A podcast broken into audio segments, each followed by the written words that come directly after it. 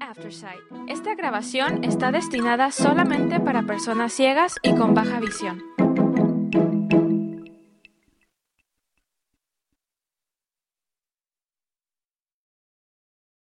La programación regular de este podcast no está disponible en este momento.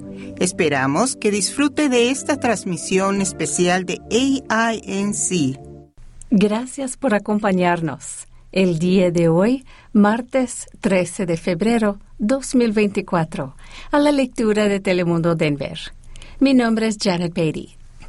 Estos son los principales artículos que leeremos hoy. La inflación anual en Estados Unidos desaceleró en enero, pero aún se mantiene alta, por The Associated Press. Los CDC planean eliminar la recomendación de aislamiento de cinco días por COVID-19 por NBC 5 Chicago. Denver, unidad móvil del DMV, ofrece servicio frente al Capitolio por Daniel Rangel.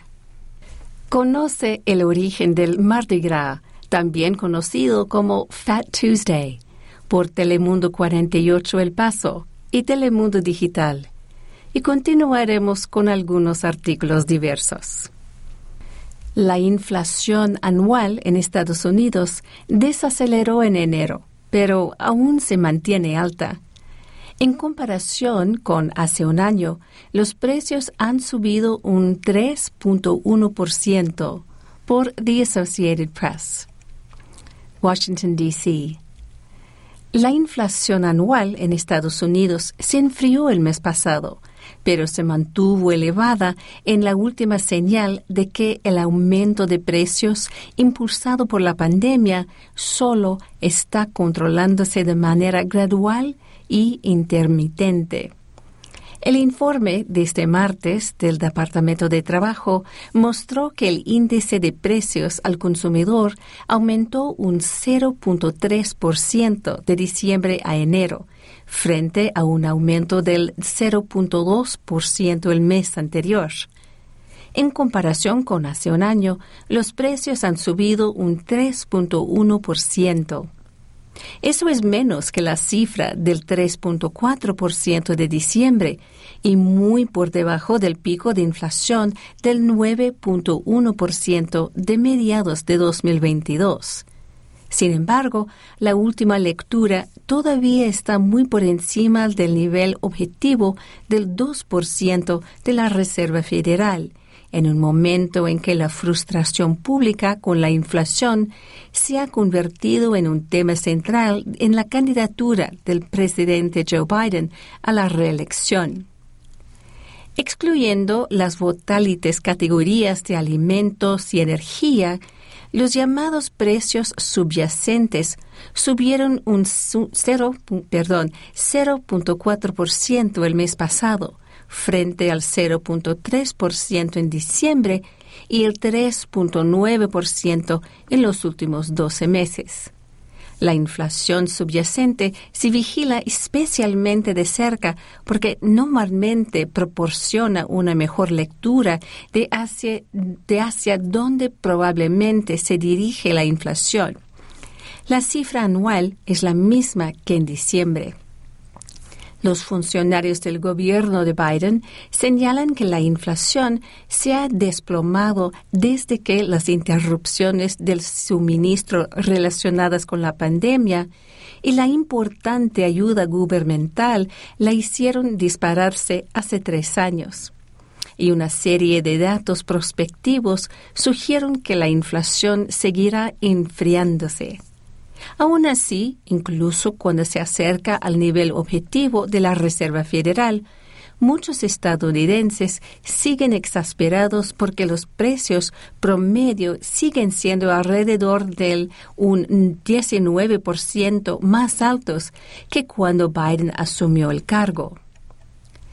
Los datos mixtos publicados este martes podrían reforzar la cautela de los funcionarios de la Reserva Federal, quienes han dicho que están satisfechos con el progreso en la fuerte reducción de la inflación, pero quieren ver más evidencia antes de sentirse seguros de que se está regresando de manera sostenible a su objetivo del 2%.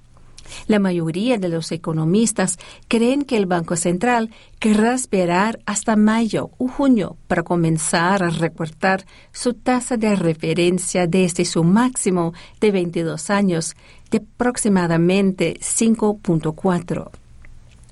La Reserva Federal aumentó su tasa clave 11 veces desde marzo de 2022 hasta julio del año pasado, en un esfuerzo concertado para derrotar la alta inflación. El resultado ha sido tasas de endeudamiento mucho más altas para empresas y consumidores, incluidas hipotecas y préstamos para automóviles. Los recortes de tasas, cuando ocurran, eventualmente conducirían a menores costos de endeudamiento para muchas categorías de préstamos. El presidente de la Reserva Federal, Jerome Powell, señaló durante una reciente conferencia de prensa que la mayor parte de la caída de la inflación hasta ahora se debe a los menores precios de los bienes, incluidos automóviles, muebles y electrodomésticos usados, que han caído en seis de los últimos seis, eh, los últimos siete meses, perdón.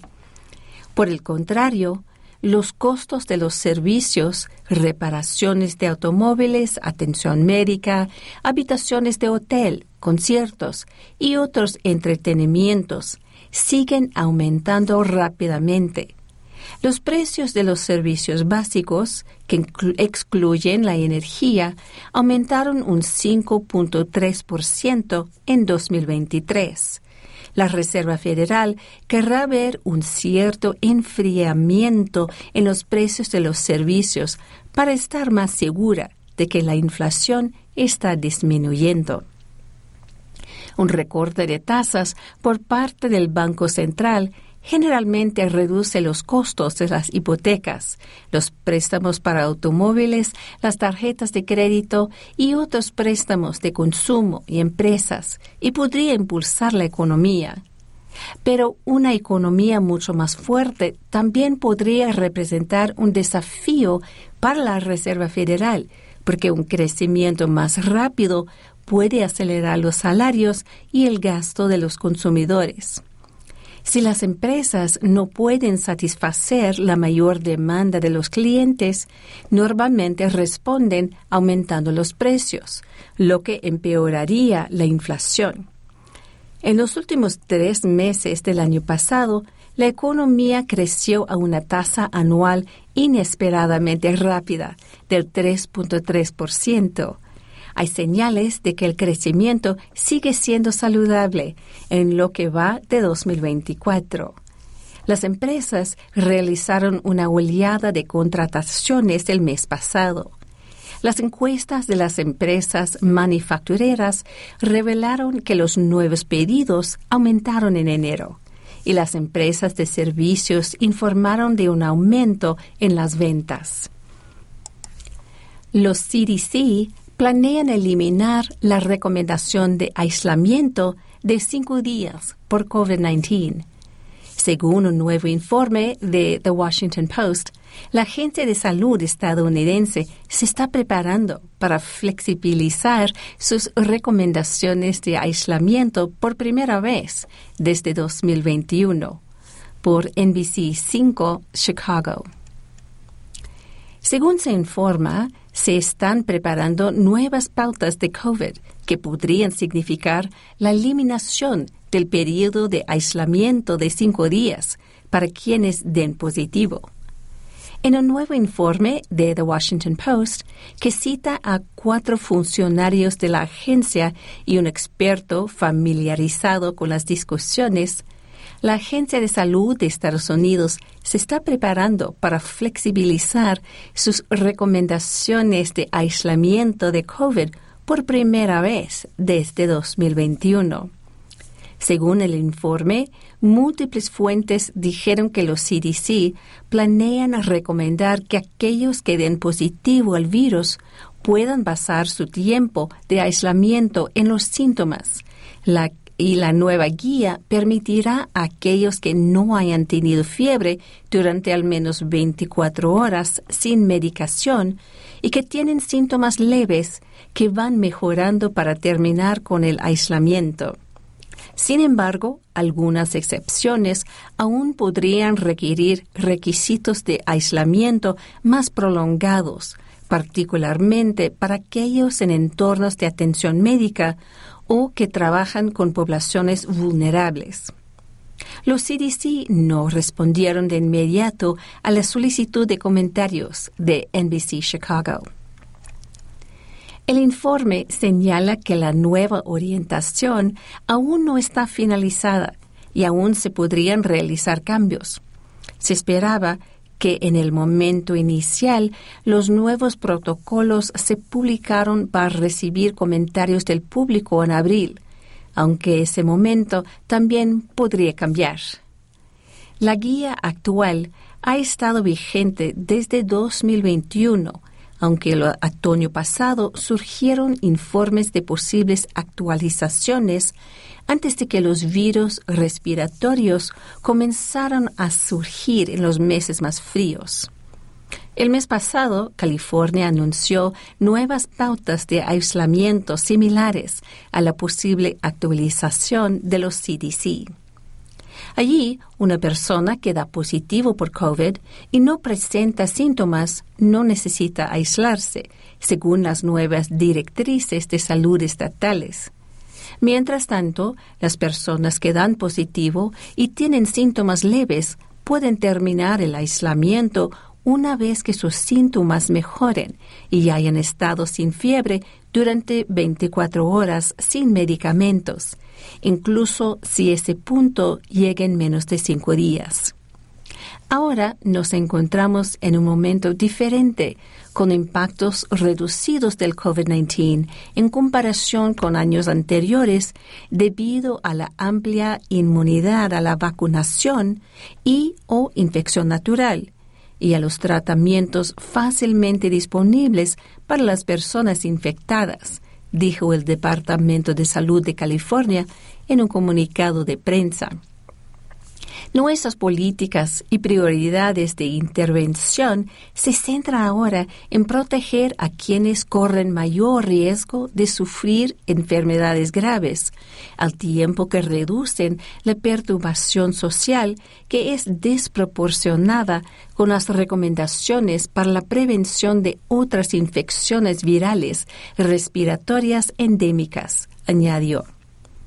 A nivel nacional, las enfermedades por COVID-19 parecen haber alcanzado su punto máximo junto con la gripe, según mostraron los datos, aunque los expertos advirtieron que las cosas podrían cambiar a nivel regional.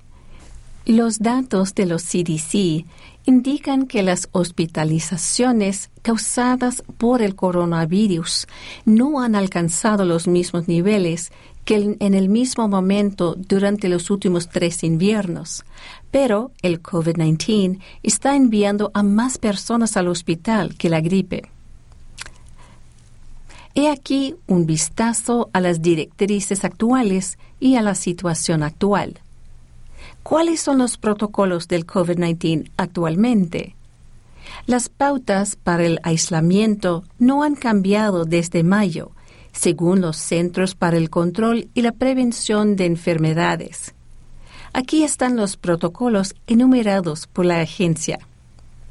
Independientemente del estado de vacunación, debe aislarse lo de los demás cuando tenga COVID-19, informan los CDC. También debe aislarse si está enfermo y sospecha que tiene COVID-19, pero aún no tiene los resultados de la prueba. Si tus resultados son negativos, puedes poner fin a ese aislamiento. Si su prueba de COVID-19 da positivo, debe quedarse en casa durante al menos cinco días y aislarse de otras personas en su hogar. Los CDC señalan que las personas probablemente sean más contagiosas durante esos primeros cinco días.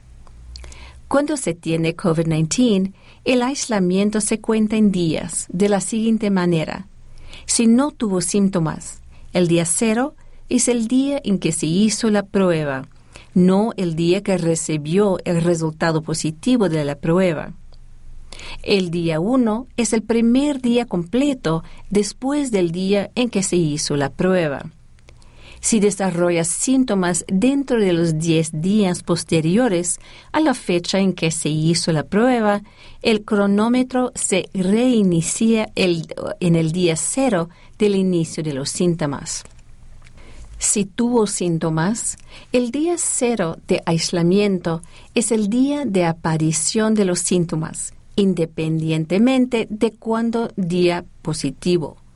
El día 1 es el primer día completo después del día en que comenzaron sus síntomas. Otra orientación para quienes dan positivo. Use una mascarilla de alta calidad si debe estar cerca de otras personas en casa y en público. No vayas a lugares donde no puedas usar una máscara. Quédese en casa y sepárese de los demás tanto como sea posible. No comparta artículos personales del hogar, como tazas, toallas y utensilios. Controle sus síntomas. Si tiene una señal de advertencia de emergencia, como dificultad para respirar, busque atención médica de emergencia de inmediato.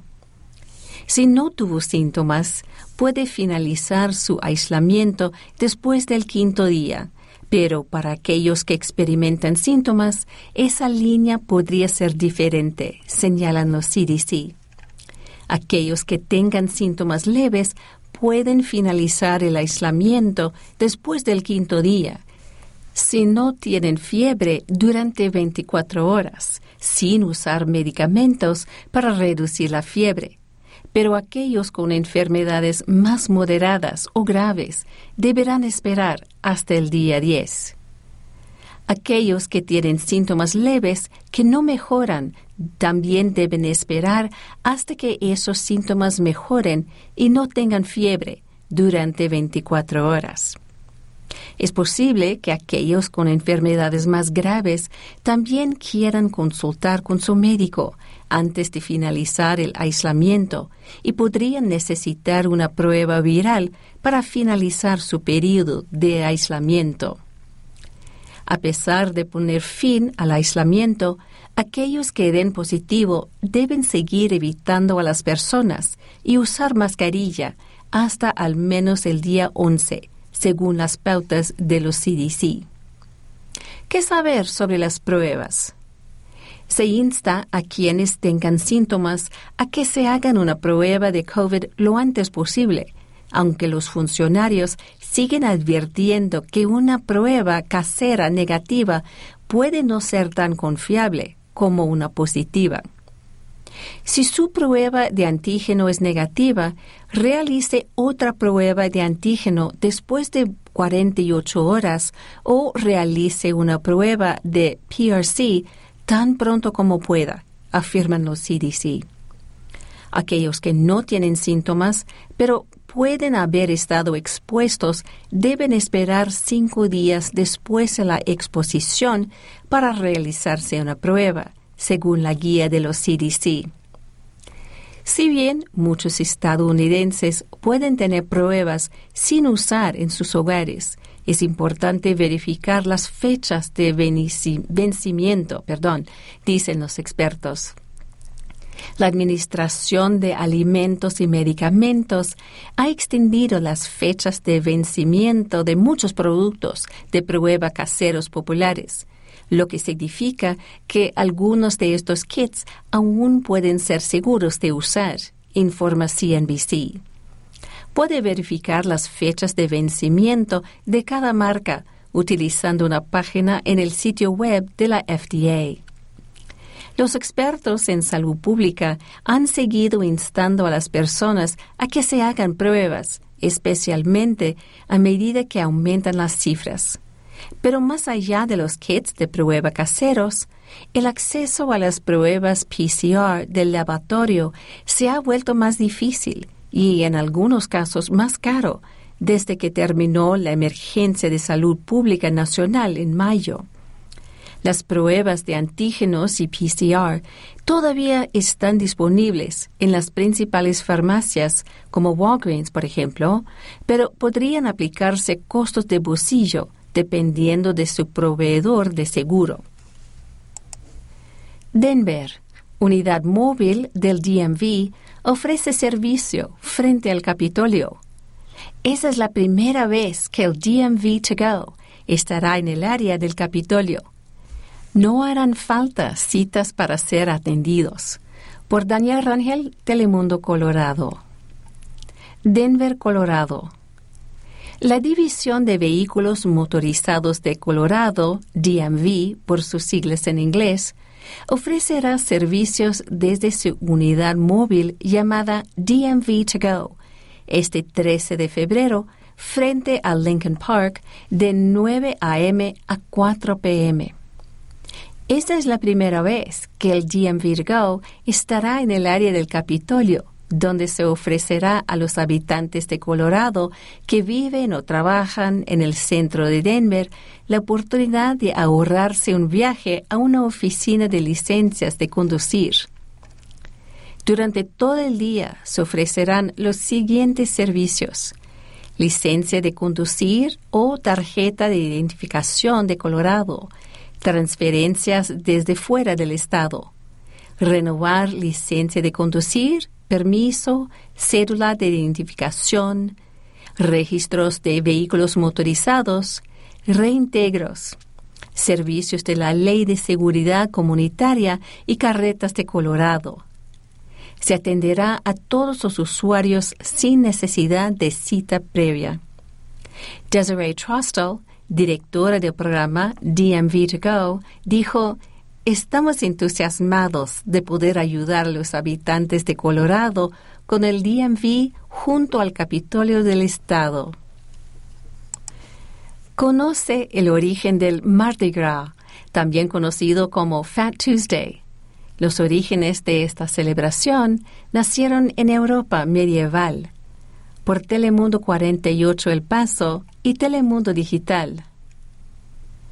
La celebración del Mardi Gras, o también conocido como Fat Tuesday, tiene sus orígenes en Europa medieval en los siglos XVII y XVIII, según lo establece el portal de Mardi Gras New Orleans. Mardi Gras es el carnaval que se realiza antes del miércoles de ceniza Mardi Gras significa martes gordo en francés y refleja la práctica de la última noche de consumir alimentos ricos en grasas en preparación para la temporada de ayuno de la cuaresma. Mardi Gras se trata de música, desfiles, picnics, carrozas y emoción. Es una gran fiesta en Nueva Orleans. Los aficionados deben usar disfraces o al menos vestirse de púrpura, verde y dorado. Los asistentes al desfile se sientan en el suelo, lanzan pelotas, tocan música, comen excelente comida y observan a la multitud pasar entre desfiles. En el día de Mardi Gras, la mayoría de los negocios no esenciales cierran debido a la celebración. Fue hasta el 2 de marzo del año 1699 cuando el explorador franco-canadiense Jean-Baptiste Lemoyne Seigneur de Bienville llegó a un lugar ubicado a 60 millas al sur de Nueva Orleans y lo llamó Point du Mardi Gras al momento en el que sus hombres se percataron que era la víspera de esta celebración. Cabe destacar que Bienville también estableció Fort Louis de la Louisiane, ahora conocido como Mobile, en el año 1702. Para el año 1703, el pequeño asentamiento ya se encontraba celebrando su primer Mardi Gras en Estados Unidos.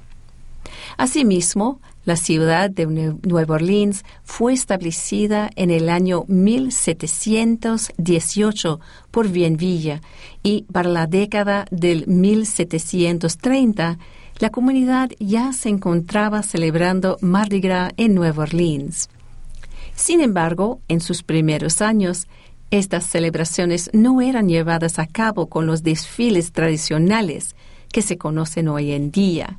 De lo contrario, en la década del 1740, el gobernador de Luisiana, el marqués de Vaudreuil, estableció bailes de alta sociedad que se convirtieron en el modelo de bailes de Mardi Gras que se llevan a cabo en la actualidad en la ciudad de Nueva Orleans. Por otro lado, la primera referencia al carnaval de Mardi Gras aparece en un informe dirigido al órgano de gobierno colonial español del año 1781.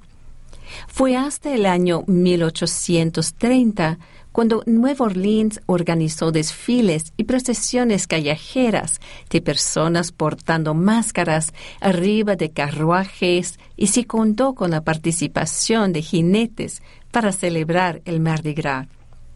Los colores típicos de esta celebración son el morado, el verde y el dorado. Anuncian la creación de nuevas escuelas de medicina en Colorado el gobernador Jared Polis ofrece rueda de prensa en vivo para abordar iniciativas en mejoras universitarias.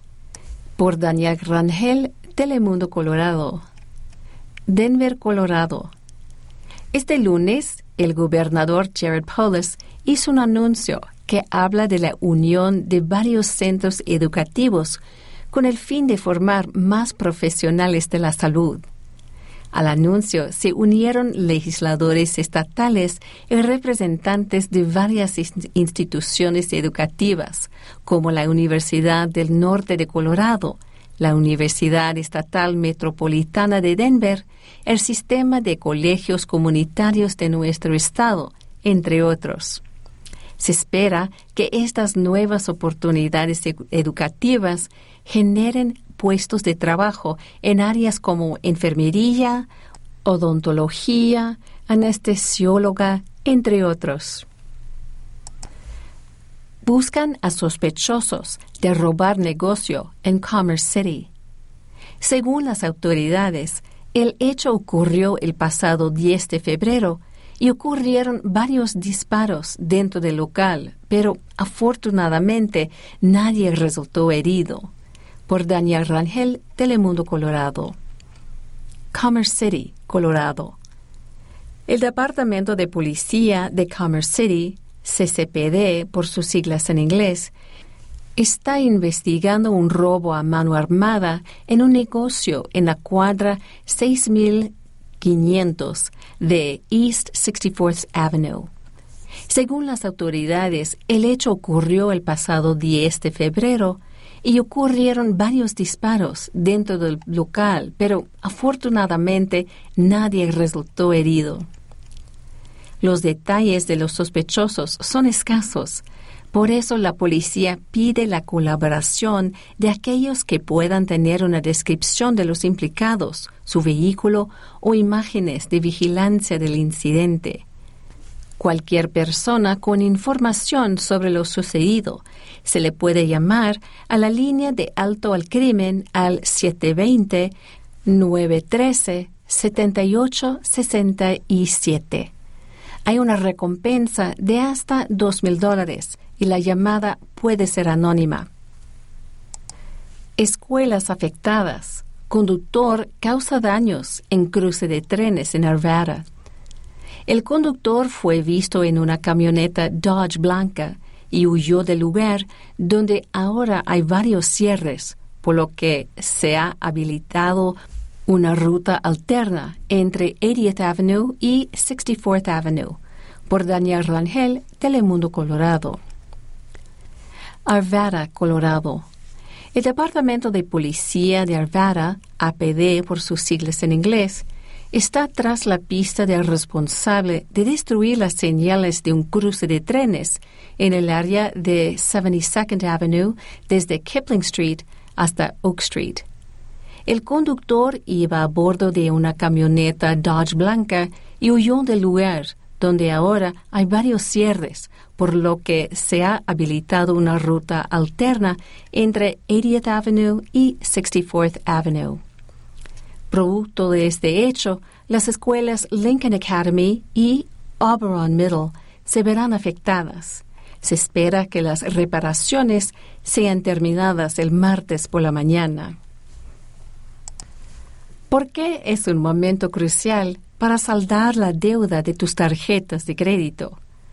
Una de las primeras cosas que debe hacer es pedir a la empresa que emite su tarjeta de crédito que reduzca sus tasas de interés por Core Lewis y The Associated Press.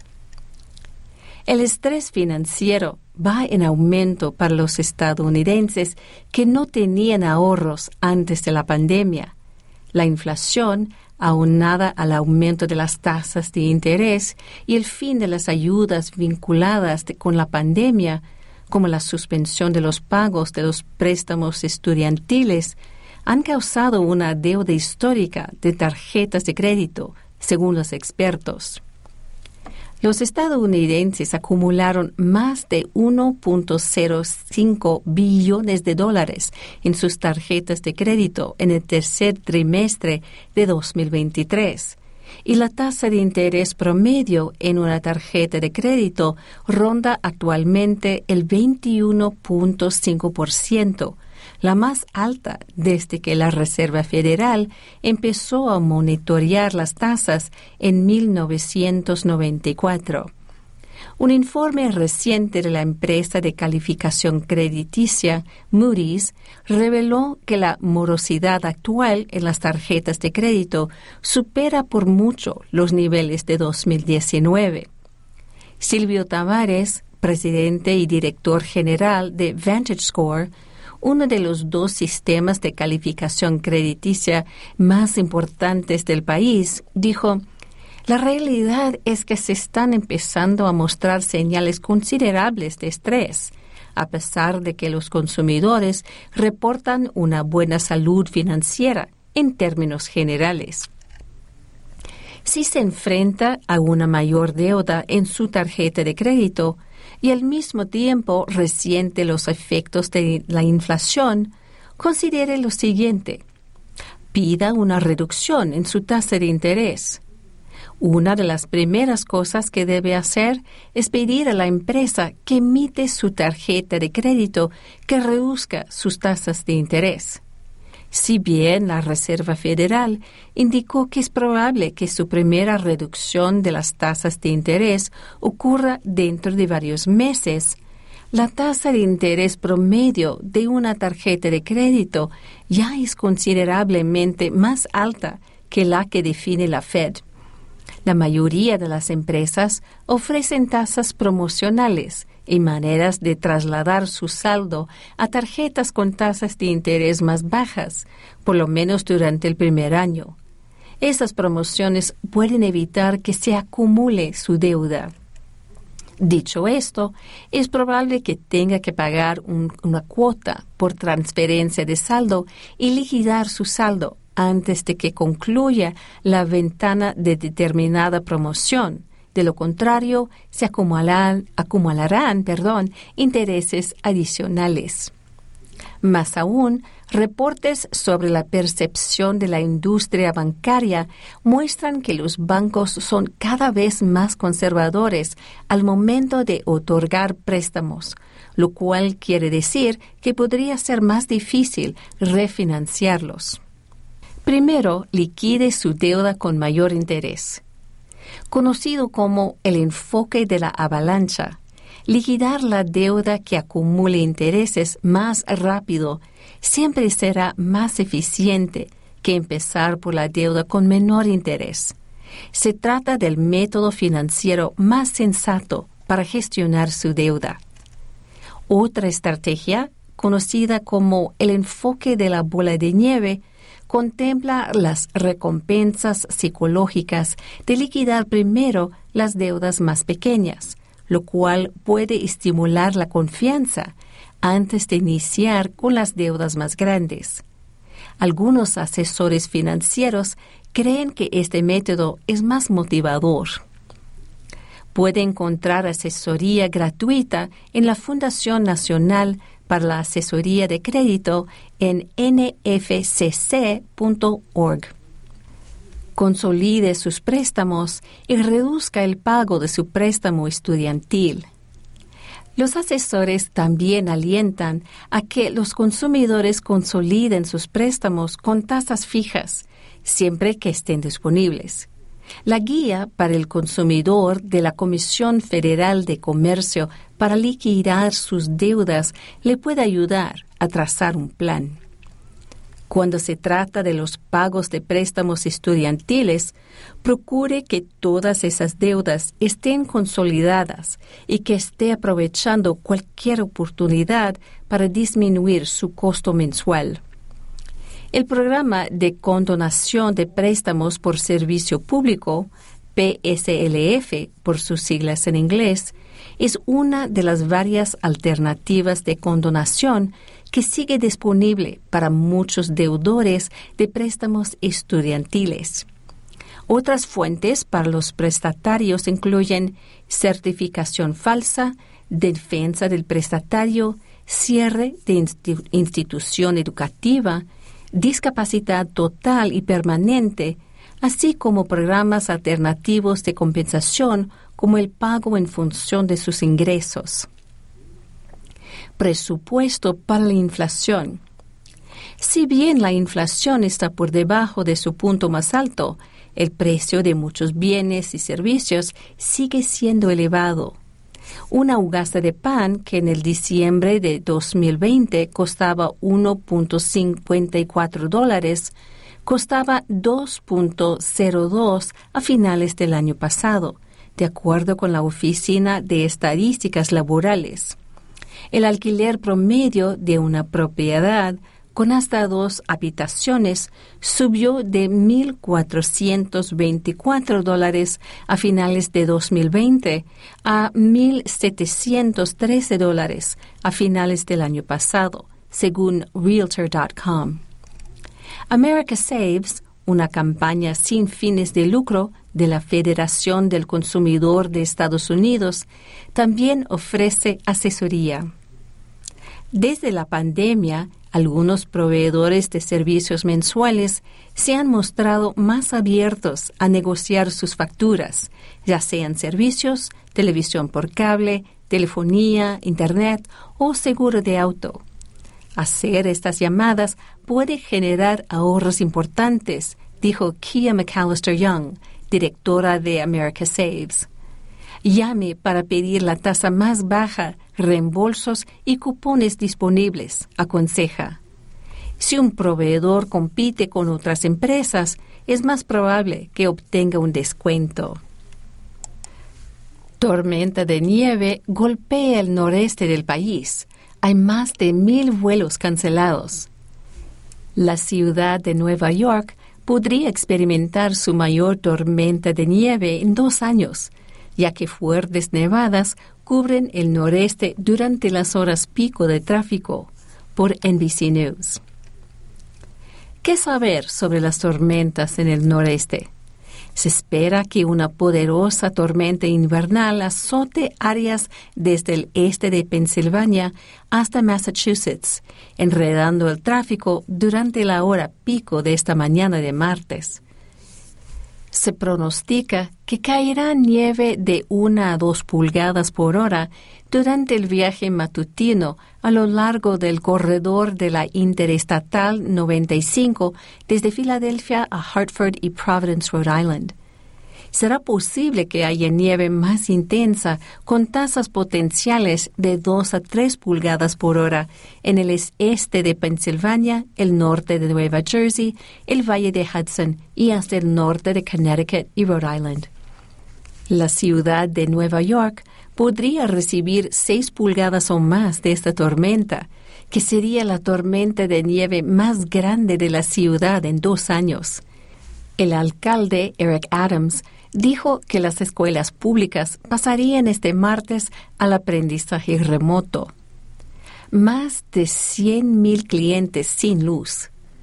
Hasta ahora, Pensilvania lidera con la mayor cantidad de clientes sin electricidad, ya que el estado tiene aproximadamente 98.000 a las 8 y media AM ET. Virginia Occidental tiene alrededor de 13.000 y Virginia tiene 6.400 adicionales. El Departamento de Transporte de Nueva York advierte a los conductores que vayan con calma en carreteras nevadas. Los neoyorquinos se despertaron esta mañana de martes con un manto blanco afuera de sus ventanas y una advertencia de que vayan con calma en las carreteras, sí que deben estar en ellas. Más de mil vuelos cancelados en todo Estados Unidos. Más de 1.300 vuelos fueron cancelados y 7.000 retrasados en todo el país hasta el momento, aproximadamente la mitad de ellos en el noreste, según el sitio web de seguimiento de vuelos FlightAware. El aeropuerto La Guardia de Nueva York lidera la tabla de cancelaciones, con 243 vuelos a las 8 y media AMET, lo que representa el 43% de los programados para salir este martes. Una publicación en X de la Guardia anoche decía que los pasajeros deben consultar con su aerolínea antes de viajar al aeropuerto. Newark JFK y Boston Logan también se ven gravemente afectados. Masacre en Puerto Rico deja cinco muertos y varios heridos. La balacera se perpetró desde un auto en movimiento contra un supuesto narcotraficante en Toa Baja, en el norte de la isla, por The Associated Press y Telemundo Puerto Rico. Cinco muertos y varios heridos graves fue el saldo de un tiroteo desde un vehículo a un bar en, el en la calle en Puerto Rico que estaría relacionado con el narcotráfico, según las autoridades.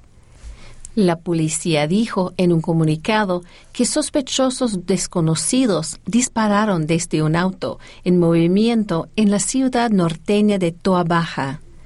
La masacre se registró la noche del lunes frente al negocio La Casita del Árbol, localizado en el barrio Campanilla, e iba dirigida contra Javier Matos Rivera, presunto narcotraficante conocido como alias Maco, quien falleció en la balacera. De acuerdo al informe preliminar, ocupantes de un vehículo en marcha habrían realizado de 30 a 40 disparos frente al negocio. Entre las víctimas mortales se encuentra el hermano de ex alcalde de Cataño, Félix Elcano Delgado. La identidad de las otras personas que murieron y de los heridos no se ha divulgada. Otros dos hombres y dos mujeres fueron hospitalizados por las heridas de bala. Si bien Puerto Rico ha servido durante mucho tiempo de lugar de tránsito de drogas por valores multimillonarios desde Sudamérica, los tiroteos relacionados con el tráfico que dejan múltiples víctimas han sido infrecuentes. El ataque del lunes hace temer que esto podría estar cambiando. No se han producido arrestos se han reportado al menos 74 homicidios en la isla de 3,2 millones de habitantes este año, seis más que el mismo periodo del año pasado. El mes pasado, cuatro hombres y un joven de 16 años fueron abatidos en una autopista en otro ataque relacionado con las drogas en la ciudad de Ceiba, en el este de la isla. Viruela de Alaska. Anciano fallece al contraer el virus recientemente descubierto.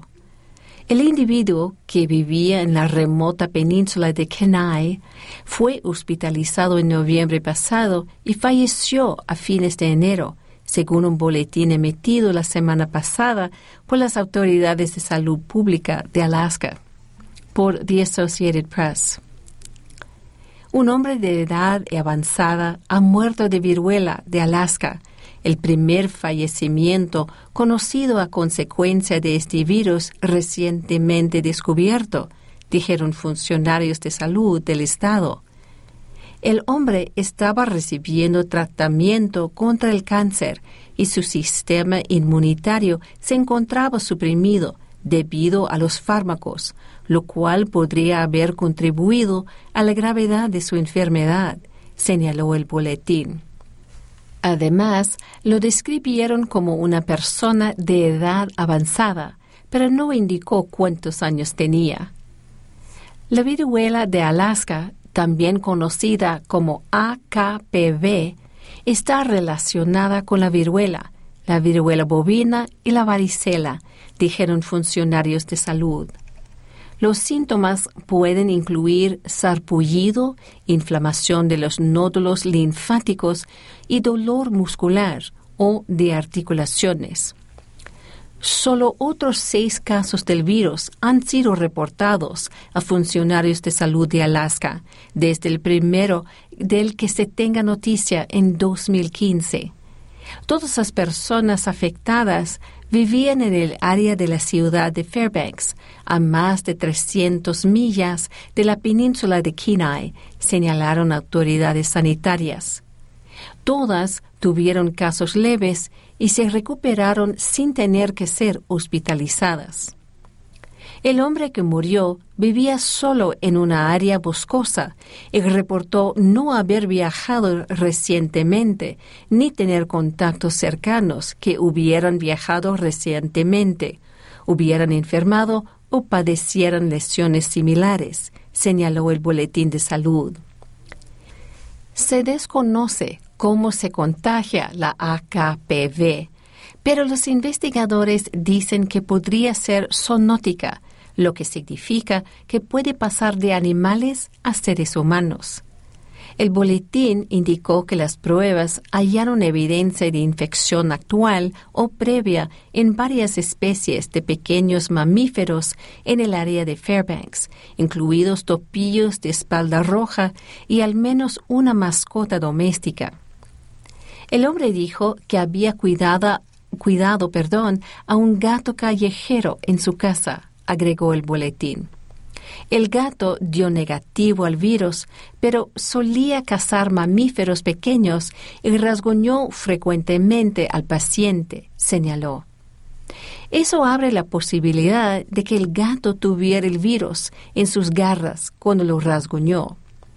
El boletín indicó que había un rasguño notable cerca de la axila donde se detectó el primer síntoma, una lesión roja.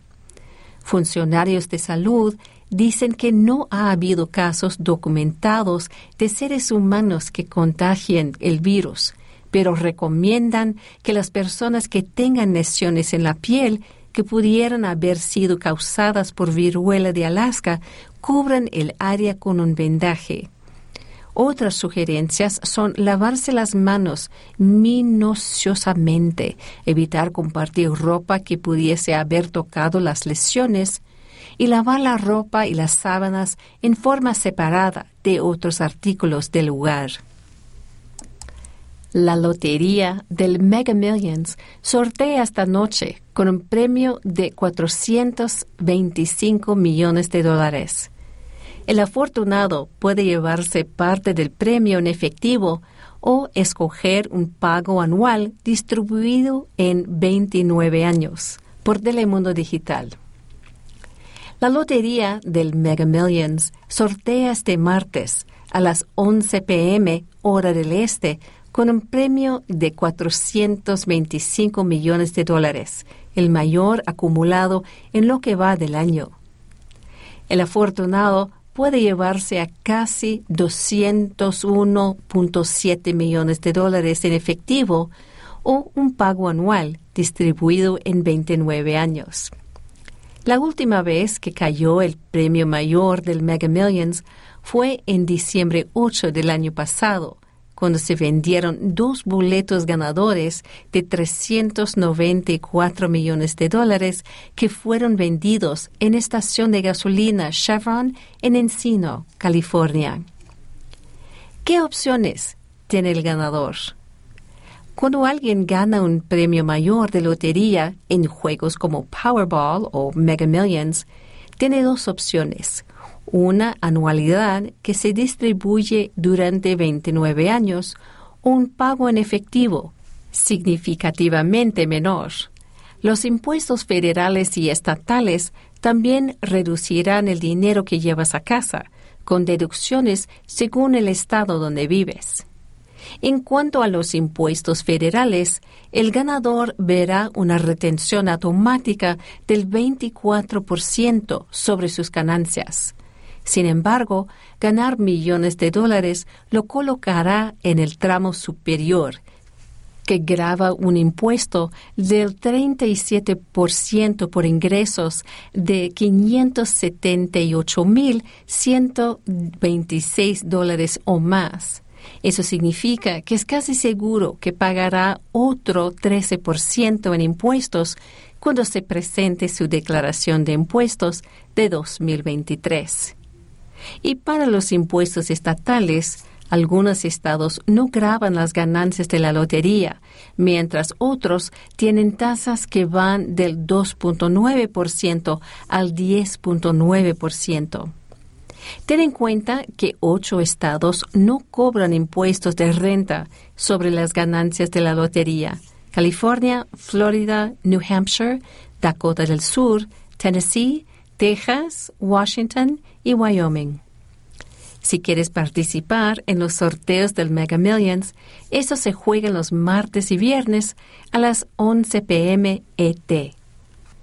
Uno de los más raros del mundo. Descubren un micrometeorito con cuasi cristales en Italia. Se trata del tercer meteorito encontrado en la Tierra con este tipo de aleaciones metálicas y el segundo con cuasi cristales de origen natural, después de recuperado en 2011 en Katarka, en el extremo oriental ruso, por FE. Romo.